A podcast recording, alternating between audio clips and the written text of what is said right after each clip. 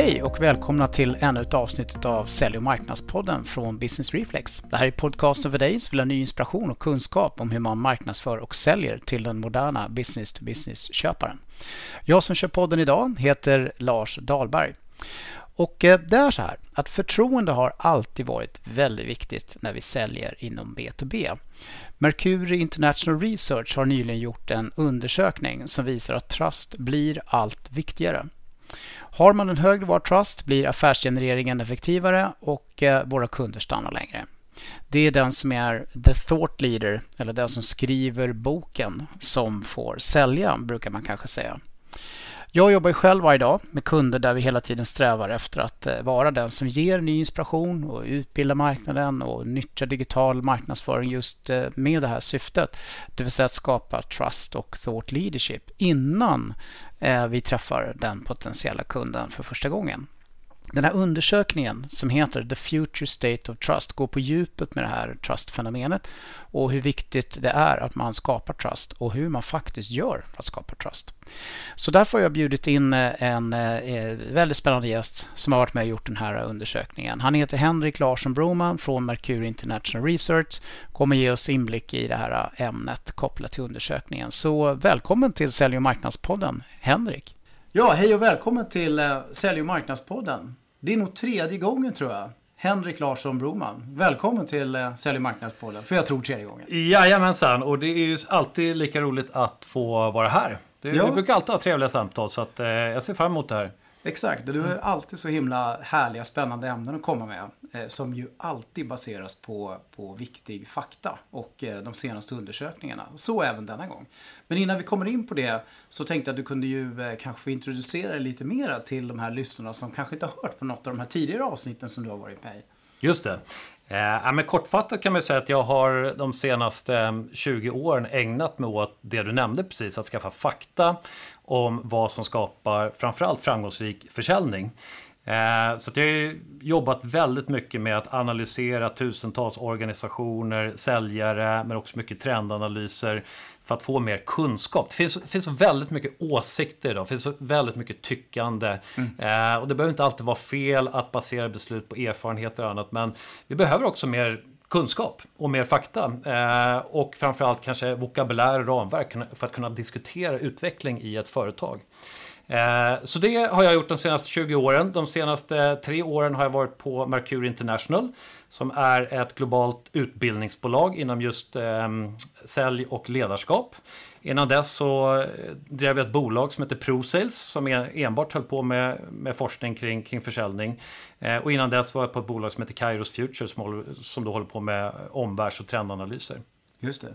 Mm. Du ligger ju också bakom The Sales Conference. Den startade vi 2008. Så att vi genomför faktiskt den 15 upplagan här nu i november. 2023. Ja. Ja, det är så otroligt bra. Alltid gillat det här så mycket. Att mm. du har eh, stått på barrikaderna och eh, samlat in allt denna fakta så vi inte sitter slippa och gissa ja. på den här konferensen. För det är ju ja. verkligen the conference inom ja. Eh, säljmarknad B2B. Ja, men det är alltid en utmaning. För det är lite så att vi ska ju alltid komma med nya grejer på The Sales Conference. Det var så den föddes. Så att, eh, vi vill ju förmedla våran kunskap, våran research eh, till allmänheten och bjöd in många av de som varit delaktiga i, i våra studier. Eh, som ett sätt att belöna eller ge tillbaka. Vi behöver ju respondenter, vi behöver företag att analysera och, och liknande. Så The, The Sales Conference har ju varit ett fenomen som eh, utvecklas varje år. Just det. Nu tror jag att alla är sugna på att eh, vi kastar oss in i det här ämnet för dagen. Yes. Och det är ju så att eh, eh det finns en undersökning här som du har varit med och tagit fram som handlar om det här med trust. Eh, och jag tänkte egentligen att du kunde ge oss en liten bakgrund liksom, kring varför ni har gjort den här undersökningen kopplat till trust och eh, ja, varför det är kanske är viktigare än någonsin. För det är mycket det som framgår av den här skulle jag vilja säga. Ja, precis. Eh, och som jag sa tidigare, det är alltid svårt att veta. Det finns så otroligt många olika projekt man skulle kunna driva och teman skulle, man skulle kunna djupdyka i. Men för ungefär två år sedan så hade vi en första dialog med ett bolag som heter Scrive, ett e-signeringsbolag. Eh, där vi då diskuterade just det här temat och eh, fann att ja, men det här är ju inte helt fel. Det är väldigt intressant att veta mer om förtroende eller trust. Hur bygger vi tillit när det kommer till affärer och inte minst försäljning? Och det här är ju ett superintressant område, inte minst för att förtroende utgör grunden i alla olika typer av relationer. Jag skulle säga att det är den främsta källan till framgång, välmående, eh, lycka i livets eh, alla dimensioner. Oavsett om vi pratar ett äktenskap eller om vi pratar eh, inte minst affärer eller om vi pratar vänner, familj, kollegor, ledarskap, hur man bygger ett företag, ett fotbollslag, men också eh, mellan länder och, mm. och eh, ekonomin i, i, i stort. Alltså ekonomin förfaller ju om vi inte har förtroende mellan varandra. Och Sverige mm. ligger väldigt långt fram i den här utvecklingen. Men framförallt då så vill vi titta närmare på business och hur vi bygger förtroendeskapande relationer med våra kunder och vilken, vilka effekter det kanske också har på på just framgång och att lyckas. Eh, mm. Sen måste jag lägga till det också. Jag har ju faktiskt ett eget in, intresse i det här. För det, det, är ju så pass intressant. För jag själv alltid funderat. Jag tror att många lyssnare kan, kan hålla med mig om det här nu. Fundera på vad är det som gör att man lyckas som säljare?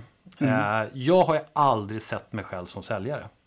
Nej. Alltså jag har aldrig sett mig som det här... Äh, Nej, säljarprofil. Ja, men det här liksom som mycket driv, du vet, eh, prospektera hårt, mm. eh, komma på avslut, lära sig alla tekniker och metoder som finns. Jag har aldrig liksom anammat det där. Och ändå så har det gått ganska bra för mig när jag gör affärer. Jag har gjort väldigt många och, eh, och stora affärer under mina år. Och själv funderar på varför är det här då? Och nu har jag kommit fram till att när jag fått liksom det här vokabuläret att det handlar nog väldigt mycket om förtroende. Ja. Du, en lite så här fördjupande eh, fråga kopplat till det här med, med, med trust. Eh, hur ser du på, på det utifrån liksom ett ekonomiskt perspektiv? Um, ja, alltså förtroende har ju en väldigt, väldigt stark koppling till prestation eller eh, ekonomisk eh, framgång. Eh, det finns ju mängder med studier som visar på att företag och säljare som eh, har ett starkt förtroende av marknaden och av sina kunder. Har en högre lönsamhet, de har kunder som rekommenderar dem, kan göra större affärer. Eh, men framförallt så finns det två, två grundläggande parametrar i det här. Och det är framförallt att eh, affären går mycket fortare. Vet ju det att transaktionshastigheten ökar när du har starkt förtroende. Mm. Eh, du behöver inte lägga lika mycket tid på själva affären. Eh, men också att kostnaderna minskar. Det är ju nämligen så att vi kan göra fler affärer på kortare tid med mindre resurser, eh, mindre pengar eh, och mindre tid.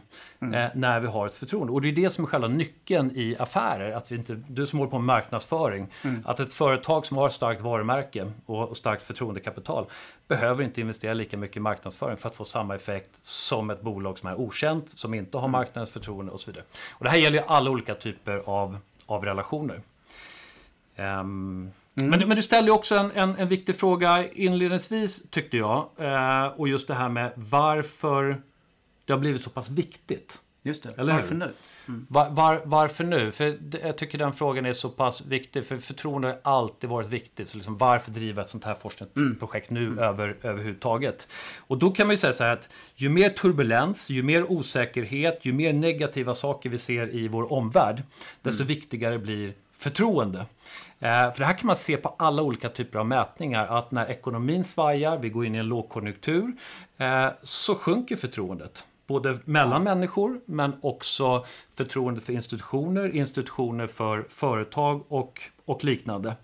Eh, och dessutom kan man se då, Gallup har bland annat gjort en, en långtidsmätning 50 år tillbaka i tiden mm. och konstatera att förtroendet för stora företag, om man tittar på den kategorin stora företag, så har minskat med ungefär 50 procent de senaste 50 åren.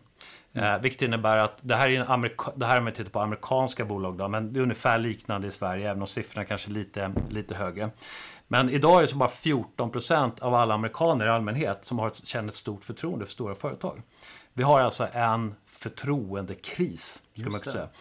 Och anledningen till det, det är ju att det händer så pass mycket eh, i, vår, i vår omvärld just nu. Eh, och det är allt ifrån ja, just nu ska vi prata om liksom hyperinflation, vi kan prata om energikriser, vi har krig i världen, eh, vi har fake news. Eh, mm. Det finns så väldigt mycket liksom negativa nyheter i, i vår omvärld som gör att också att vi blir mer kritiska och ifrågasättande. Och i en värld där medborgarna, människorna blir mer kritiska, mer ifrågasättande eh, och det här förtroendegapet ökar så blir också förtroende den nya valutan. Just det, precis. Eh, och så det här, de som lyckas hantera det och, och ja, då det blir bra. ju det en konkurrensfaktor. Ja, på riktigt. Eh, ja. På, på riktigt. Eh, så att man ska inte underskatta det här liksom vikten av förtroende idag om man bara jämför med ja, några år sedan mm. faktiskt. För det där ökar hela tiden. Mm. Alltså, en, en, aspekt som jag inte tror du nämnde där när du tog det här kopplat till ekonomi, men som jag, som jag själv känner, det är, det är väl det här att det blir lättare att ta, ta betalt. Alltså lättare att hö, ha ett högre pris. Exakt, absolut. Också. Så prispremien ökar. Eh, mm. När du har, eh, har ett starkt mm. förtroende. Och vi kommer väl in på det eh, alldeles strax också. Men anledningen är att förtroende handlar ju om trygghet. Mm. Vi väljer gärna trygga köpbeslut framför, och speciellt i en värld där, där försäljning, inköp blir mer komplext och mer står på spel. Mm. Vi, vi, möter ju större och större risker hela tiden eh, och det innebär att också att vi söker företag, organisationer som kan skänka oss den tryggheten mm. när vi gör affärer. Eh, och då är man också mer villig att betala för det. Mm. Exakt. Ja, mm. det är fascinerande. Vi ska ja. komma in på det här djupare. Men mm. en, en, intressant, bra inflygning tycker jag. Mm. Eh, så den här uh, undersökningen är gjord då. The mm. Future State of Trust mm. heter den. Mm. Och eh, eh, ni har intervjuat eh, tusen stycken beslutsfattare, mm. förstår jag eller rätt. Mm. Och identifierat sex olika dimensioner. Vi ska komma in på dem här, eller faktorer som gör att man verkligen känner eh, trust, eller upplever trust. Och eh, kan bygga trust. Eh, så jag tänkte egentligen att ehm, eh, vi tar och dyker in i de här. Vi kanske inte kommer gå in på alla sex. Vi kanske håller oss till de fem första. Tänker jag. Yes, eh, absolut. För att de, de, är ju viktiga i fall, lite fallande ordning här. 1, 2, 3, 4, 5, 6. Men vi kanske skulle börja med att sätta dimensionerna på kartan, alla sex, till att börja med bara. Så att så alla lyssnare är med på vilka det är vi pratar om. Vi, vi, kan nämna dem och då ska man ju veta här att när, när man driver sådana här studier så måste vi sätta några etiketter som på något sätt mm. symboliserar vad, vad det handlar om. Eh, så den första dimensionen kallar vi för pålitlighet. Eh, mm. Den andra dimensionen kallar vi för kompetens. Mm. Den tredje för integritet. Den fjärde för välvilja eller syfte. Och sen så har vi rykte eh, som nummer fem.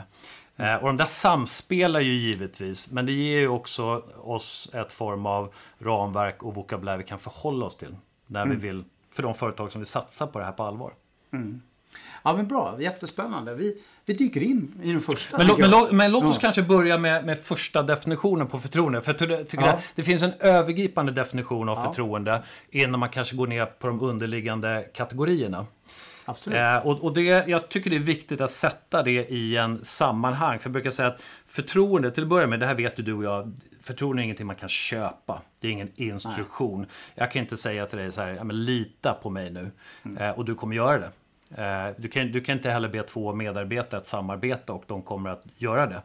Eh, och varför är det då så? Jo, därför att förtroende är en känsla. Du kan ju liksom inte beordra en känsla utan känsla är någonting som, som infinner sig och någonting som vi kanske också eh, förtjänar. Och tittar man från det här på ett historiskt perspektiv, vilket jag tycker är väldigt intressant. Ska man titta på trender, rörelser, så måste man också backa bandet lite grann. Eh, och går man så långt tillbaka, kanske ja, 50 000 år i tiden, till liksom början Homo sapiens, eh, så var ju världen full av olika typer av faror oavsett om det var vädret eller om det var farliga djur eller om det var brist på mat eller någonting. Så vi utvecklades alltså till olika typer, eller till sociala varelser där vi levde i stammar, där vi kände oss trygga. Och när vi kände oss trygga så var den naturliga reaktionen förtroende. Det innebär alltså att det är någon som sitter vakt vid lägerelden och håller utkik efter faror.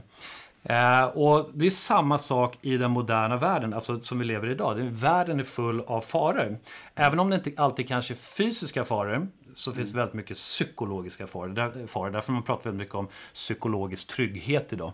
Eh, men vi har ju allt ifrån nya teknologier som kan omkullkasta verksamheter väldigt snabbt och gör verksamheter obsoleta. Vi har ett ökande utanförskap, vi har politisk instabilitet, vi har ökad psykisk ohälsa, vi har dataintrång, alla de här sakerna som jag nämnde tidigare också upplever vi människor som faror. Och det innebär också att ju fler faror vi upplever, desto större trygghet eh, söker vi. Eh, så därför kan man alltså sammanfatta förtroende som en känsla eller tro på att någon är genuin och ärlig och mm. inte kommer skada dig. Mm. Eh, så, och det är anledningen till att jag kanske är här idag. Jag känner mig trygg i ditt sällskap. Jag har förtroende för dig. Eh, hade jag inte haft det så hade jag inte medverkat här. Mm. Så den där känslan är, är viktig att tänka tillbaka. Den ligger instinktivt i, i människan sedan lång tid tillbaka. Mm. Så det är liksom ett grundläggande behov vi har. Och då, är, då kommer naturliga frågan, okej, okay, vad kan vi göra för att sänka den här tröskeln? Att få människor att känna sig trygga när vi gör affärer. För business, det handlar alltid, alltid, alltid om trygga köpbeslut. Speciellt i komplex försäljning. Ja. Det är en sak om du går in på Amazon och beställer en bok för 200 spänn. Du ja. förlorar, kan inte förlora så mycket där. Och liksom 200 spänn, det var inte en, en, jättestor risk som jag tog. Eller det var ingen större fara. Men i allmänhet så är det extremt viktigt i business to business försäljning. Ja, och det är ju verkligen så att affärer görs mellan människor. Eh, nu är vi i den där digitala världen. Ja. Men det är ju ändå Exakt. Även fast man kanske inte ser som den fysiska världen så ja. är det ändå människor. Det Precis, visst är det så. Till slut när det väl ska hetta till. Mm. Så, och det var ju det vi ville ta reda på då. Liksom. Okej, okay, vad är det då som, som skapar den här psykologiska eller fysiska tryggheten hos, hos människor? Eh, som gör att vi vill mm. köpa från varandra. Mm. Och då landar ni i den här uppdelningen i de här faktorerna? Exakt. Exakt. Då, då landar vi. Och jag tänkte vi, vi, som du sa, vi kan hålla oss till de fem viktigaste. Vi håller oss till de fem viktigaste. Ja. Mm. Eh, men eh, pålitlighet är den viktigaste? Pålitlighet är den viktigaste. Eh, det vi har gjort här alltså, det är att vi har intervjuat över tusen beslutsfattare inom business to business. Och intervjuat dem och ställt frågan egentligen, vad är det som gör att du känner förtroende för en säljare? Eller vad är det som gör att du känner förtroende från ett företag och i slutändan vill köpa från dem? Mm. Och då kan man tänka sig så här, om det nu är säljare som sitter och lyssnar här eller företagsledare eller entreprenör eller någonting annat. Eh, så måste man också ställa sig eh, frågan, liksom, om du går in i ett kundmöte. Du har liksom en affär på gång här. Och kanske sitter med en ledningsgrupp. Vad är det som gör, eller på vilket sätt kommer de bedöma dig? Mm. Vad är det som verkligen gör att de bedömer det och känner den här tryggheten när de fattar det här beslutet? Det var det vi ville ta reda på. Och pålitlighet, som är den första dimensionen, då, är väl den kanske, kanske mest självklara. Det jag tror är det första folk tänker på när man pratar om, om förtroende. Mm. Att jag kan lita på dig, att du kommer hålla det du lovar, det du lovar att mm. du ska göra. Eh, så allt det man faktiskt utlovar att man också eh, håller det. Och det är alltifrån att man levererar saker i tid eller om jag säger till dig återkommer med en offert imorgon, ja, men då återkommer jag med en offert imorgon. Mm. Eh, om man utlovar att vi kan sänka kundens mm. kostnader eller öka lönsamheten, ja, men då måste du fan stå för det. Mm. Och säkerställa att du realiserar det värdet. Och det här har vi stött på så många gånger och som konsumenter så möter vi det här hela tiden. Du, du och alla lyssnare här vet ju hur besviken man blir när en, ett företag utlovar att du ska få det här paketet eller dina mm. nya skor inom tre dagar och sen kommer det inte. Nej. Vi har alla stött på det här och då blir man ju mm. Och vi har blivit förbannad. känsligare på detta. Vi har blivit känsligare för att förväntningarna ja. ökar mm. hela tiden. Det, det, det, ska man, det ska man veta. Eh, och då är det ju så att eh, man kan tycka att eh, ja, det här är väl självklarheter. Det är klart att vi håller vad vi lovar. Vi säljare ljuger inte och, och, så vidare. Men då ska man veta att det finns en stor utmaning här. Att det finns vissa studier på det här som säger att endast 8% av alla B2B-köpare litar på de löften mm. som säljare och företag mm. utlovar. Ja. Bara 8% Och framförallt om du inte har hunnit bygga upp förtroendet. Ja. Så det finns liksom en uppförsbacke direkt. Det finns en uppförsbacke ja. direkt. Så att du måste ju säkerställa att vi är pålitliga och kunna bevisa att ni kommer göra det ni lovat att göra.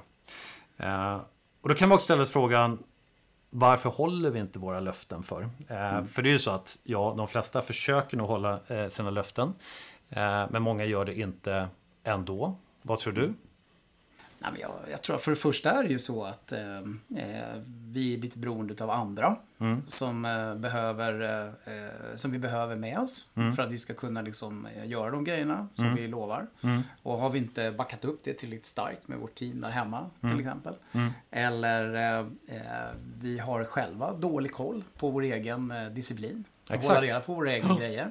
Vi, vi slarvar liksom lite mm. Med, mm. med att hålla ordning på, på hur vi jobbar och mm. vad vi faktiskt ska göra och mm. när vi lovar att göra saker och ting. Ganska basic men jag tror att det är en ganska stor anledning faktiskt. Eh, vi tar för lätt på frågan. Mm. Vi, vi tänker inte att det är så viktigt mm. eh, kanske. Utan och um, ja, vi, vi, kanske slarvar också med att, eh, med att vara tydliga. Mm. Eh, det, det kanske är så att det, kunden uppfattar det som att vi har lovat saker och ting. Men mm. vi själva har inte riktigt fått till det där. Mm. Eller förstått det faktiskt. Mm. Att vi faktiskt har lovat det. De mm. uppfattar det som att vi har lovat att vi ska komma tillbaka med någonting. Så det, mm. det är nog lite här allmänt otydlighet också tror jag. Som Nej, men jag, jag tror så här att eh, säljare har nog, de flesta av oss i alla fall, goda intentioner. Eh, men ibland så bryter vi våra löften eller eh, rent ut sagt eh, ljuger av olika anledningar. Eh, en sak så, som du sa inledningsvis här, det är ju det här att det, liksom, vi har dåligt internt samarbete. Mm. Jag vet inte hur många gånger, hur många organisationer jag stött på där man har säljare som går ut och utlovar guld och gröna skogar. Mm. Men sen så är det någon som ska implementera det där, leverera det där. Mm. Och du lämnar över till någon form av leveransavdelning och där spricker kedjan. Så att just det här samarbetet internt, sälj är ett integrerat samarbete, en organisationsfråga som måste eh, hänga samman. Men sen finns det ju massa saker som att vi kanske saknar kunskap om vad vi egentligen säljer. Vi är osäkra på eh, vilket värde vi egentligen kan skapa för kunden. Mm. Eh, och då kanske vi överdriver eller vi kanske eh, säger osanningar. Eller vi är för ivriga att stänga affären. Det finns massa kontraproduktiva kopior idag som uppmanar säljare att gå på avslut. Mm. Fast de i själva verket inte borde göra det. Eh, inte vara för, för ivriga, vilket gör att man känner stress från chefen, stress från kollegor eller press på sig själv att leverera. Mm. Eh, och då bygger vi inte det där förtroendet. Det kan också vara att vi är för optimistiska eller naiva Mm. Vi är helt enkelt inte realistiska när vi utlovar saker och ting. Så, men i alla fall, pålitlighet är ju ganska självklart att göra det vi lovat att, att göra. Så den frågan som jag alltid ställa sig, vad är det vi egentligen säger till våra kunder? Eh, och vad är det vi utlovar för någonting? Och vad behöver vi ge för något stöd till säljare för att säkerställa att vi faktiskt gör det här? Mm. Du touchar på eh, nästa faktor lite grann där tror jag. Kompetens. Mm. Just det. Det är en faktor i sig. Ja, men, ja, för att ingen vill ju göra affärer med okunniga människor som inte har någonting att tillföra. Mm. Så kompetens avser ju eh, att visa på att du vet vad du pratar om, att du besitter en expertis, att du också kan leverera det du utlovat att du ska göra. Eh, så att det vi bedömer varandra på, det är mm. dina, om jag ska känna förtroende för dig nu, så kommer jag bedöma dig på din Eh, dina förmågor kanske, dina färdigheter, dina kunskaper, dina resultat, kanske också din meritlista. Eh, har du ingenting sånt och du säger att du är mm. digital marknadsexpert mm. eh, och sen så visar det sig att du har inte så mycket kunskap om det där. Då kommer jag inte känna förtroende för dig. Mm. Och det är väldigt viktigt i eh, i business. Och det, här, det här är ju, det vi ville ta reda på här, det är liksom vilken typ av kompetens bygger då mest förtroende. Just det. För det finns ju olika typer av skills eller färdigheter när det kommer till liksom att lyckas inom försäljning. Eh, duktiga säljare behöver en viss form av viljekompetens. Det är att man har en tro på sig själv, att man har en passion för säljyrket, att man eh, har en verkställarförmåga och så vidare. Eh, behöver också någon form av relationskompetens, det vill säga mm. någon form av EQ-förmåga att kunna sätta sig in i kunder, att bygga relationer. Att man har människointresse och så vidare. Och sen påverkansförmåga. Det vill säga att eh, kunna argumentera för sin sak. Kanske använda sig olika typer av metodiker med allt från presentationsteknik till, till att lyssna. Och sen affärskompetens, det vill säga att vi har en djup förståelse om kunden och kundens bransch, problemlösning och den fjärde kompetensen kallas för teknisk kompetens. Eh, för det är så mycket teknik idag. Exakt, som man behöver vi... kunna bemästra och använda på olika sätt. Ja, men arbeta smart med hjälp ja. av teknologi. Så att, eh, jag brukar prata om de här fem olika kompetensområdena. Men våran studie visar ju då med ganska tydlighet, alla är viktiga och vi bedöms på alla de här fem kompetenserna. Men den kompetens vi mest bedöms på, det är mm. ju vad vi kan kalla för affärskompetensen. Just det. Kompetens om kundens affär. Exakt. Ja. Eh, och det fördjupade vi också i. Liksom, så vad är, vad är, vad är in, innefattar då det? Mm. Och då kan jag säga lite förenklat då, att det finns fem olika ingredienser i det där. Och det här är väl egentligen inga, inga nyheter på så sätt att vi vet att värdeskapande säljare de är duktiga på problemlösning, de är duktiga på att anpassa lösningar efter att verkligen ha förstått kundens verksamhet.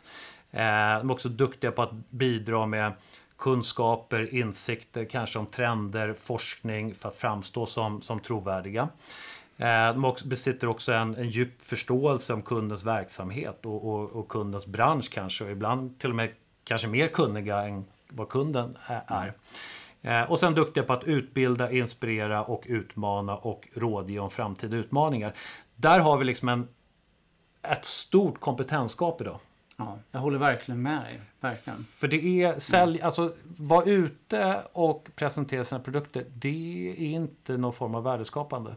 Nej. Utan värdeskapande handlar ju om, och då brukar jag säga så här, historiskt sett så har vi sålt det kunden vill ha. Sen har vi gått till att sälja det kunden inte vet att kunden behöver. Idag i framtiden så säljer vi i allt högre utsträckning det som varken vi eller kunden vet att kunden kommer att behöva. Och ska vi säga sälja det som varken vi eller kunden vet att kunden kommer att behöva kräver mycket, mycket mer analytisk förmåga, värdeskapande förmåga eh, och så vidare. Så det är den faktor som är viktigast här när det kommer till nummer två, kompetens. Ja. Och när man jobbar med, med modern marketing och så vidare så är det ju helt avgörande att den där kompetensen finns hos sälj för att man ska kunna sprida den i den digitala världen innan liksom, säljarna blir bli involverade. Exakt. Då kan man ju börja bygga liksom trust digitalt. Liksom, mm. Mm. Eh, innan liksom säljarna kommer in i bilden. Och mm. när säljarna sen då väl kommer in i bilden. Ja, då är det otroligt viktigt att de börjar med att leverera kompetens. Mm. Gärna också kopplat till den här mm. affärskompetensen mm. förstås då. Så att eh, så kunden liksom känner, ah, värde direkt. Exakt. Oh. Och då, då, då öppnar det upp sig liksom. Och sen måste de ju då, som vi precis har lärt oss, eh, måste de ju verkligen fokusera på att vara pålitliga då, parallellt med det. Ja. Leverera värde, var så pålitlig. Var pålitlig eh, och visa att du är kompetent inom, inom ditt område. Så därför brukar jag alltid säga så här. Om man vill reflektera över den här frågan så kan man ställa sig en fråga i sin säljorganisation eller om det är en säljare. Och det är den här. Vad skulle du behöva göra för att ta för att kunden skulle vara villig att betala för ett möte till dig. Mm. Man, man drar till sin spets, det är ju det konsulter gör. Mm. Förmodligen för att de är experter på någonting. Men även säljare skulle behöva ställa sig den frågan. Eh, då, om man får det svaret, det här behöver jag göra för att kunden skulle vara villig att betala för ett möte. Då kanske man också får svar på vad man faktiskt behöver göra för att addera värde. Ja. Ja, jag tänker också så här, rakt in i vanliga, vanliga vardagen. Kanske mm. där våra lyssnare sitter. Mm. Eh, det finns ju så otroligt mycket förståelse om hur man ska få igång en säljare effektivt. Mm. mm. Men, men, här kanske det snarare gäller att handla om att plocka den säljaren som har mest kunskap, affärskunskap. Mm. Eller mest mm. kunskap liksom utifrån köparnas perspektiv. Och bara sitta och prata på ett strukturerat sätt med de här nya säljarna om det. För det är ju den kompetensen de verkligen behöver för att kunna leverera värde. Eller man tar in någon extern konsult som är jätte, jätteduktig på det här. Liksom, mm. Som är längst, längst i framkant Just det. inom det här området. Och mm. sitter och pratar med den där konsulten för att verkligen ja. förstå. Eh, eller så kanske man till och med tar in några eh, jätteduktiga kunder ja. från köparsidan. Så de sitter där och pratar med Exakt. säljarna om ja, det. Liksom. Eh, och det tror jag få göra. Alltså. Jag tror, tror, inte man tar det riktigt på allvar. Mm. jag, jag tror det var Forrester som presenterade en studie för, jag kommer inte ihåg riktigt när, när det var sen, men där man då intervjuat där 75% av alla köpare upplever att säljare generellt sett inte tillför något värde. Mm. Eh, vilket är lite tråkiga nyheter, eh, mm. tycker jag. Eh, men som visar också på det vi pratade om tidigare, att förväntningarna ökar. Mm. På eh, alla människor som vi ska göra affärer med. Mm. mm. Ribban ligger högre. Ribban ligger högre, definitivt. Ja, ja, ta sig dit blir desto mer framgångsrika istället. Ja. Men du, eh, tredje dimensionen. Eh, när jag tittade på det här och tog del av materialet så vart jag ändå lite förvånad faktiskt att den kom så pass högt. Integritet. Mm. Eh, kanske för att eh, integritet, jag tror att vi har lite olika associationer till begreppet integritet också. Mm. Mm. Eh, när vi pratar om integritet kopplat till den här undersökningen eh, så brukar jag säga att det handlar om att ha en uppsättning autentiska värderingar, ett antal principer som man tror på, genuint tror på och som mm. andra människor också genuint tror på. Mm. Eh, och eftersom kunden tror på samma saker som du eller samma värderingar som du, samma principer som du så är de också mer villiga att lita på dig, att känna mm. förtroende och då mer mm. villiga att, eh, att göra affärer. Så det handlar alltså, integritet handlar alltså om din moraliska kompass, mm. din ledstjärna. Eh, och det tror jag liksom så här, det här skulle vi alla människor behöva fundera på grann. Så här, vad, vad, är det jag står för egentligen? Vad, mm. vad tror jag på? Eh, och vem vill jag vara som person? Och inte minst när det kommer till, eh, till affärer. Eh, men det innebär också att man alltid är ärlig. Eh, men också har ett visst mod att göra det som är rätt. Eftersom det är det rätta att göra. Även om man tenderar mm. att förlora någonting. Eh, och det, det, här... Om man tar ett exempel. Om, mm. Låt oss säga att vi, vi gör affärer här nu. Och du ber mig om en specifik lösning. Du behöver hjälp med, med någonting.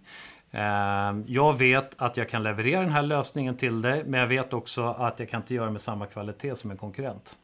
Mm. Och då är frågan. Kommer jag rekommendera konkurrenten? Eller mm. kommer jag faktiskt att försöka vinna affären själv? Mm. För du ser att mina kvalitetskrav är här uppe.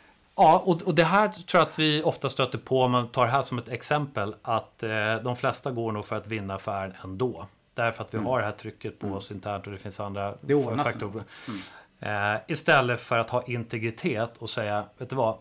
Du borde inte vända dig till den här leverantören för jag hör att de här är bäst på att, att mm. göra just det här. Mm. Eh, och så även om det kostar mig nu, nu kostar det här att jag förlorar affären, men jag kommer vinna ditt förtroende. För du kommer veta att du alltid kan lita på mig. Jag kommer säga sanningen. Mm. Uh, och jag, jag brukar alltid dra ett exempel i, eftersom jag älskar tennis, det är min stora passion här. Så brukar jag göra en liten ja. liknelse med uh, en gammal tennisspelare som heter Andy Roddick. Vet du vem det är? Just det. Den, den har jag ja. hört talas om. Ja, du, du har hört talas om ja. den. Ja. Uh, jag tycker det är en fantastisk... det är en häftig historia. Ja, exakt. Men han spelade en match mot en spanjor som heter Fernando Verdasco. Och i andra set så hade Andrew Roddick matchboll. Mm. Eh, och eh, när då Fernando Vidasco slår sin andra serve så slår han ut den. Eh, och publiken börjar jubla och and, eh, Andy Roddick har vunnit matchen. Det, eh, men så säger han så här, nej, den är faktiskt inne, bollen. Eh, och övertalar domaren att den är inne och poängen ska faktiskt gå till motståndaren. Eh, och motståndaren får poängen och fortsätter sen att vinna matchen. Så han torskade ja, alltså matchen när han egentligen hade vunnit matchen. Eh, och det där visar ju bara på att han, han vann ju någonting ja. annat. Han vann ju integritet eh, och han vann väldigt mycket förtroende. Och det här är ju någonting som finns en stor avsaknad om när det kommer just till pengar och när det kommer till idrott. Det är sällan vi liksom visar den integriteten. och rent studiemässigt så är 84% av alla köpare i vår undersökning säger att vi vill bara göra affärer med människor som står bakom autentiska värderingar, principer, som har en etisk eller moralisk kompass. Ja. Som också gör att vi kan, kan lita på dem. Eh, så det där är ju superintressant. Det är väldigt, väldigt intressant. hur många, jag har ju sett massor med säljpresentationer. Mm. Eh, och eh, hos många av våra kunder till exempel. Det är så, man kanske pratar om företagets why och lite mm. övergripande sådär, vad vi ska lösa för problem för världen och sådär. Mm. Men, men när man får fram det här med bolagets värderingar och mina mm. värderingar också i de här presentationerna, bara genom att lyfta fram dem och börja prata om dem, så vinner mm. man ju liksom förtroende direkt. Även fast det kan kännas lite som att jag kanske inte 100% synkar med dem där, men vad mm. skönt att de är ärliga med dem. Eller Det är verkligen det. Men det här är ju, det här, jag tycker är superintressant eh, just när det kommer ja. till värderingar. Alla vi människor har ju någon form av uppsättning värderingar. Sen kanske vi inte alltid kan ta på dem eller beskriva dem. Men vi, alla vi tror ju på någonting. Men sen har ju alla företag, de flesta företag har ju någon form av uppsättning värderingar att stå på hemsidan. Mm. Det eh, finns vissa studier på det här. MIT gjorde en stor studie för några år sedan. Eh, de tittar på vilka är de vanligaste värderingarna. Den vanligaste värderingen är faktiskt integritet. Eh, ah. Där eh, nästan 6-7 av alla företag har integritet som, som kärnvärdering på sin hemsida. Eh, hemsida. Och sen har du samarbete, kundfokus, respekt och innovation. Eh, men det intressanta är när man sen tittar på sambandet mellan de värderingar man har och i vilken utsträckning man faktiskt lever upp till de värderingarna, efterlever de värderingarna, mm. eh, så är korrelationen noll. Det finns alltså ingen korrelation till vad man säger att man står för, vad man vill vara och hur man efterlever det här. Mm. I vissa fall så är till och med sambandet negativt. Det innebär att de företag som, samarbete till exempel, som ligger på plats nummer två här. Eh, de företag som har alltså samarbete som kärnvärde eh, har, eh, lever alltså i mindre utsträckning upp till det. Det finns ingen korrelation till företagskulturen och är sämre på samarbete än, den, än de företag som inte har samarbete som värdering. okay. eh, så att det blir väldigt mycket ett spel för galleriet och då kan jag hänvisa till en av våra tidigare studier där vi just ställde frågor till 6000 säljare i Norden.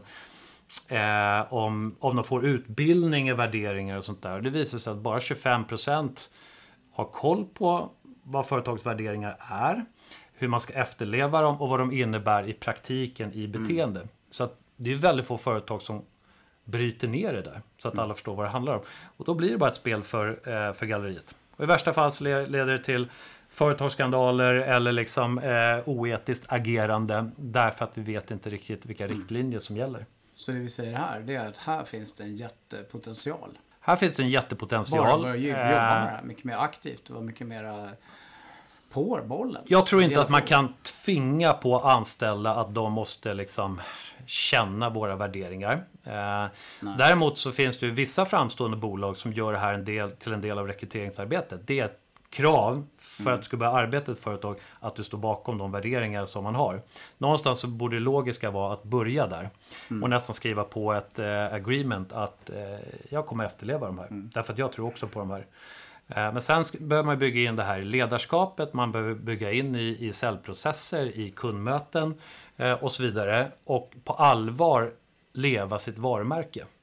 Mm. Eh, just för att det inte ska bli bara någonting vackert som står på hemsidan. Eh, som ingen bryr sig om. Ja, det är intressant att det har så stor påverkan dock. Det kommer ju på tredje plats som sagt var i undersökningen. Oh. Och trust är viktigare än någonsin. Så ja, att, eh... ja men eh, absolut. Mm. Och det är väl på ett sätt ganska logiskt också liksom. Eh, eh att vi tenderar att vilja göra affärer med människor som vi vet vad de står för. För att det skapar mm. en trygghet, återigen. Eh, den fjärde faktorn här, den, den hade jag verkligen förväntat mig skulle vara på listan och det är den. Mm. Eh, välvilja och syfte. Mm. Eh, vi kanske touchade lite på det, men jag tror vi behöver fördjupa förståelsen vad, vad det egentligen menas mm. med det kopplat mm. till undersökningen mm. och hur det hänger ihop med trust. Välvilja och syfte. Ja, men exakt. Den, den, det, jag har haft lite svårt att sätta liksom ett begrepp på det här, men det här var det bästa.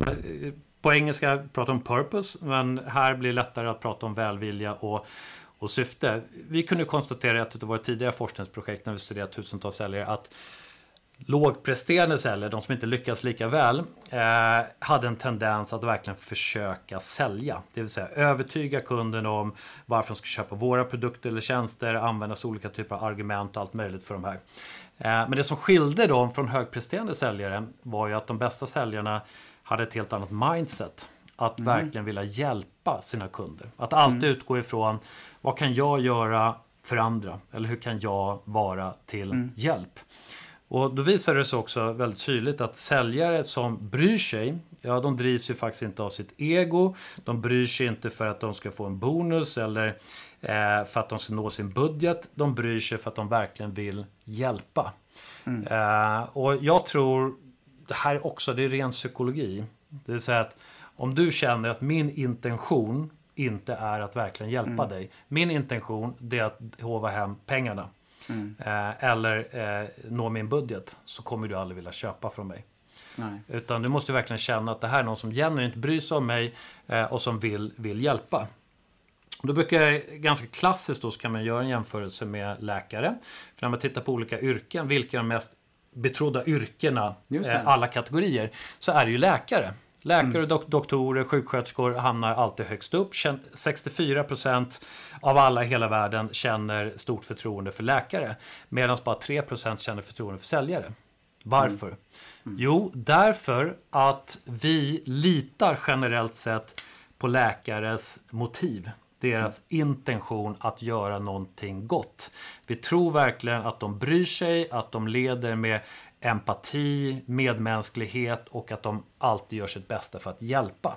Mm. Eh, på samma sätt kan man ställa frågan då varför är det så få som litar på säljare? Jo, därför att instinktivt så litar vi inte på deras motiv. Vi finner dem inte pålitliga, empatiska eller att de verkligen bryr sig. Därför att vi vet att de har en organisation bakom sig som egentligen bara mäter dem på pengar, eh, mäter dem på hur de har nått budgeten, hur många produkter de har sålt och så vidare. Så här har vi också eh, eh, liksom ett produktiv, eh, liksom, eller en kontraproduktiv flaskhals. Att vi inte mäter det vi egentligen borde göra. För någonting du borde mäta så är det just ja. säljarnas förmåga att bygga förtroende, skapa nöjda kunder, skapa värde för kunden. Istället så mäter vi nästan alla organisationer mäter egentligen bara pengar. Ja. Eh, vilket blir kontraproduktivt. Så, ja, att, eh, så, att hela här, här så, så, det här liksom med välvilliga syfte, ja. den handlar ju om att faktiskt sluta sälja och istället börja visa omtanke, välvilja, empati. Och det låter ju, lite, kly, låter ju lite klyschigt eh, eftersom att ja, vi måste ju ändå in pengar till, till företaget. Det, det, måste vi göra. Men det är snarare så här, vad är vägen dit? Ja, vägen dit är ju faktiskt att bry sig om kunden och därmed så kommer vi kunna göra pengar. Eh, inte börja med att tro att vi ska dra in pengar, eh, för det skapar inte förtroende. Mm. Jag tror det är många som har en hel del att tänka på här nu när vi ja, men jag, jag, jag tror det, för det blir ju en organisation. Det blir rätt gapigt här, liksom. Ja. Ett stort gap mellan vad det är vi faktiskt gör och det vi kanske borde mm. göra när, det, mm. när vi pratar om det här. Mm. Ja, men det blir en organisatorisk fråga också. Allt ifrån mm vad ledningen sätter för några spelregler, vad man kommunicerar ut, hur man mäter, vad man pratar om på måndagsmötet eh, mm. och så vidare. Pratar vi om att hur vi ska hjälpa kunder eller pratar vi om eh, bara om siffror, hur mycket pengar vi har dragit in? Mm. De flesta möten jag är med på så pratar man nästan alltid siffror. Mm. Det här är så här, vi, vi, kan inte mäta, det säger egentligen ingenting om vad vi ska göra eller hur vi når resultaten om vi inte pratar om, om insatserna. Eh, men så, så och jag hade ju då välvilja slash syfte. För att jag brukar säga att om man vill börja i den här änden och nysta och tro på det här att men välvilja är bra. Mm. Eh, så bör man kanske fundera på vad är syftet med vår verksamhet? Mm. Eh, och vad är syftet med varför vi gör affärer? Och ehm, eh, jag, jag, jag, tror att, och då kan man börja med så här, ja, Vissa drivs av vad man gör för någonting eller kanske hur man gör någonting. Men väldigt få funderar på varför vi gör saker och ting. Uh, och det är lätt att hänvisa till Simon Sinek här och prata exakt. om det här, han, det här, han, det här, det här, whyet. Ja. Men han, han har sagt någonting väldigt, väldigt klokt när han säger att People don't buy what you do, they buy why you do it. Mm. Att berätta för någon vad syftet är, dina intentioner eller vad du vill uppnå och eller varför du gör vad du gör är det som inspirerar människor mest. Mm. Eh, att jag berättar för dig att, ja men du vet, vet du vad mitt mål med, eller syftet mm. med det här är? Eh, det är att ehm, eh, jag ska nå min budget. Mm. Eller att jag ska sälja ett visst antal produkter. Eller ska tillfredsställa min chef eller någonting. Och du kommer ju givetvis inte köpa från mig. Mm. Men om jag berättar för dig varför det här är så passionerad det här. Mm. på vilket sätt jag vill hjälpa dig. Eller vad vi kan uppnå tillsammans. Det är det som inspirerar människor mest. Mm. Ja, det, det som jag tycker är intressant, jag eh, har praktiserat det här en del, eh, en del själv, det är just att när du pratar med kunden om det, påminner du dig själv också om att det faktiskt är det som är grejen. Mm. Så att du hela tiden håller fokus på det när du liksom mm. jobbar på sen genom den här processen. Exakt. Om du har börjat att prata med kunden om det i en tidig liksom, relation när du ska bygga ett förtroende. Mm. mm. Så, så, så, blir det som en liksom, påminnelseeffekt för dig själv. Så att du hela tiden har koll på det här under hela hela resan. Exakt. Knyter ihop det kopplat till det. Precis. Eh, eh, bra, då tänker jag så här att ehm, eh, vi har en femte kvar. Mm. Eh, som ju handlar om, om det här med rykte. Mm. Mm. Men eh, vad ligger bakom det egentligen och, och, vad är det undersökningen säger kring det här med rykte? Eh, men rykte slash renommé. Eh, rykte är ju någonting som man förtjänar eller som man får när man behärskar de fyra första dimensionerna mm. av trust. Så att är du, upplevs du som pålitlig av dina kunder, mm. de upplever dig som kompetent, de upplever att du har integritet, de upplever att du är, har en stark välvilja och ett tydligt syfte, så kommer du också vinna deras det blir förtroende. Effekten. Det blir effekten, det är ett indirekt resultat av allt du gör i, i princip. Och, och om man upplever människor på det sättet så är man också villig att rekommendera dig. Mm. Eh, och om man är villig att rekommendera någon så kommer man förmodligen hjälpa den personen att stärka sitt varumärke, stärka sitt rykte, vilket kommer hjälpa till att öppna nya dörrar till nya affärsmöjligheter.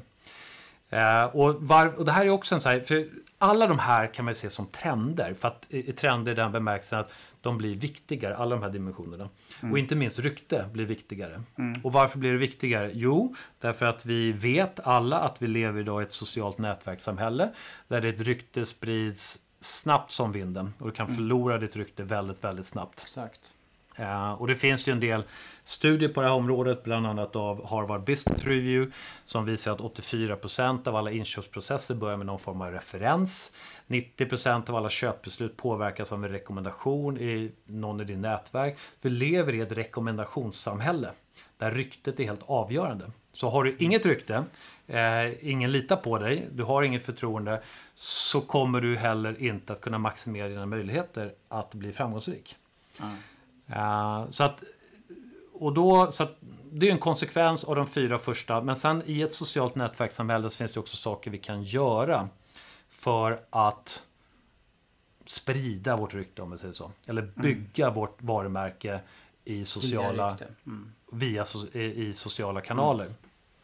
Då brukar jag prata om tre, tre olika saker man kan tänka på. Det här är ju någonting som du är eh, expert på. Jag är verkligen inte någon, någon expert på det här. Men jag, jag, har faktiskt testat det här själv under lång tid. Eh, och eh, för mig har det fungerat bra. Eh, men eh, det är också ganska logiskt för att det kopplar an till de här andra dimensionerna. Mm. Du brukar säga om man vill bygga sitt varumärke, om vi tar LinkedIn till exempel. Mm. så måste man förstå eller tänka på tre olika saker. Det första man måste tänka på och fundera över det är vad är min kärnexpertis? Det vill säga, mm. vad är jag bäst på? Mm. Eh, och, och, den expertis som jag vill förmedla till kunden. Så om, om tar dig till exempel, du är expert på, vi kan kalla det för eh, digital marknadsföring. Ja, kan vi säga det? Ja. Ja. Låt säga att du är expert på digital marknadsföring, genererar leads via eh, digitala kanaler. Så vill du sprida och bygga ditt rykte mm. eh, så kan du bjuda på massa kunskap om det. Mm. Precis, visa att jag ja, kan något. Exakt, och det, och det, det gör nu. Vi, vi, som så, här, så att det når många. Eh, och eh, verkligen visa på att det, är, det här är ditt expertisområde. Eh, sen kan vi säga att det finns ytterligare en ring utöver det som vi kan kalla för kompetens och som är kringliggande område. Eh, för att inte bli för monoton när man pratar om det här och bara pratar mm. om en sak hela tiden. Så kanske man ska prata om saker runt omkring mm. också och visa på att jag förstår helheten. Mm. Eh, så det kanske handlar om att visa på trender, forskning, referera till saker och ting som handlar om varumärkesbyggande, försäljningsstrategier, marknadsföring. Mm. Men som kopplar an till just närliggande digital, områden. närliggande mm. områden. Precis. Eh, och sen det sista är att faktiskt skriva och visa på din person och dina värderingar. Och det kopplar jag an till det som handlar om integritet och syfte. Mm. Att visa på det här är det jag står för, det här är det jag tror på eh, och det här är eh, anledningen till varför jag håller på med det här. Och liksom, tror du på att ehm, eh, vi måste kämpa för att skapa en bättre värld med, eller bättre miljö. eller du tror på lyckliga organisationer eller vad det än var. Visa det då. då. Eh, därför att då får man en bild av vem du är. Om jag tror på samma saker, du visar dina värderingar. Om jag tror också på de här sakerna så kommer jag förmodligen känna ett förtroende för dig. Ja, då börjar ryktet att spridas. Ja. Tyvärr så är det lite för mycket skräp i sociala medier idag som inte alltid eh, stärker människor i den positionen kanske. Nej. Därför att man kanske inte alltid riktigt tänker på vad egentligen man är, vad Nej. det är man publicerar. Nej, man har lite för bråttom. Mm. Mm. Fem dimensioner Henrik. Så att jobbar man med de där så, så i alla fall säger våra studier baserat på intervjuer eh, med beslutsfattare att då vinner du kundernas förtroende. Och vinner du kundernas förtroende, ja då kommer du lättare att komma i kontakt med kunder, du kommer kunna göra snabbare affärer, du kommer göra större, mer lönsamma affärer eh, och folk kommer vara villiga att rekommendera dig. Du, eh, hur duktiga är företag på att leva upp till, till det här då? Tänker vi. Eh, jag trodde nog att siffran skulle... Vi ställde ju faktiskt den här frågan i ja. vår enkätstudie mm. till de här tusen cheferna. kommer den, cliffhangern. cliffhangern. Och eh, det här tyder bara på att folk är ganska öppna när de svarar på sina undersökningar. Därför att bara, 40, eller förlåt, bara 38% av de här cheferna som vi intervjuar säger att vi är väldigt bra på det här med pålitlighet. Mm. Det vill säga, vi är bra på att göra det vi lovat att göra. Mm. Så här sågar man lite sin egen organisation. Att vi utlovar ofta fel saker, inte rätt saker mm. och blir lite taffliga i leveransen och, och, annat. Så det finns en jättepotential här. Och detsamma gällde faktiskt för både kompetens, integritet och syfte. I genomsnitt är det bara 40, 45% av cheferna som säger att eh, det här hanterar vi väl. Det här ligger oss varmt om hjärtat. Vi är duktiga på, vi har kompetenta medarbetare, vi har en hög integritet, ehm, det finns en, en, en tydlig välvilja och så vidare. Så det finns en enorm möjlighet till förbättringar. Mm. Så generellt sett är, är människor ganska ärliga med att man inte är så bra som man borde? Kopplat till de här frågorna? Ja, men I anonyma mm. undersökningar mm. så kan man ju faktiskt eh, vara det. Mm. Eh, och det är lättare faktiskt att eh, eh rikta kritiken mot sitt företag än att rikta kritiken mot sig själv.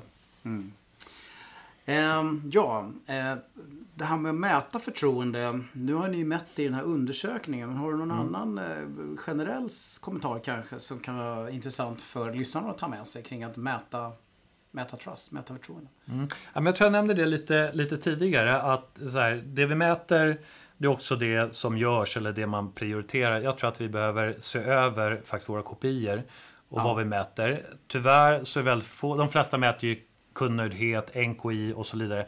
Eh, men väldigt få mäter faktiskt förtroende av den enkla anledning att Trust uppfattas ofta som någonting diffust, ogreppbart, luddigt, svårmätt. Mm. Men ingenting kan vara mera fel. Eh, med forskningen kring det här så går det alldeles utmärkt att faktiskt mäta de här olika dimensionerna. Allt mm. ifrån vilket förtroende som medarbetare känner för sina chefer mm. eh, eller för sina organisationer till hur kunderna eh, uppfattar sina leverantörer, eh, säljare. Det går att mäta det, går också kopplat till ekonomiska nyckeltal, vilket är eh, väldigt spännande. En uppmaning till alla mm. att börja se över det. Mm. Du, eh, om man skulle behöva lite hjälp kopplat till de där sakerna då? Vad tänker mm. du kring det? Mm. Eh, ja, men då är det ju... Ja, alltså, då ska jag försöka vara ärlig här såklart. Eh, och inte överlova saker och ting. Utan våran core expertis på Mercury International, det är ju kompetensutveckling. Det är ju mm. det Mercury har hållit på med i 50 års tid. Mm.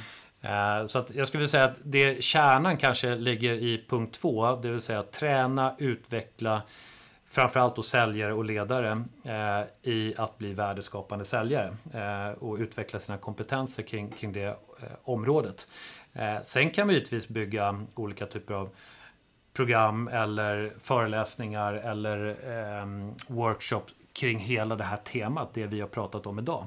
Mm. För att skapa insikt, Eh, en motor för utveckling och liksom diskutera de här frågorna. Men, men det vi mm. framförallt hjälper till med det är ju kompetensutveckling. Mm. Digital. Få bollen, eh, trustbollen att rulla.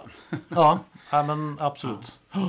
Ja. spännande. Eh, jag tror att många också är nyfikna på hur de får tag på undersökningen och vill gräva sig ner lite djupare i det här. Mm. Än att bara sitta och lyssna på oss. Just det. på dig, Henrik. Ja, men det, det finns ju en... Så du har säkert någonstans du kan peka dem och eh, vi kommer ju naturligtvis kunna lägga ut det i eh, avsnittets eh, tillhörande bloggpost på businessreflex.se också. Men vad säger mm. du? Om man vill få tag ja, men, ja, men det är väl bra att lägga ut eh, länken. Men mm. den, den, finns på mercury.se, vår hemsida.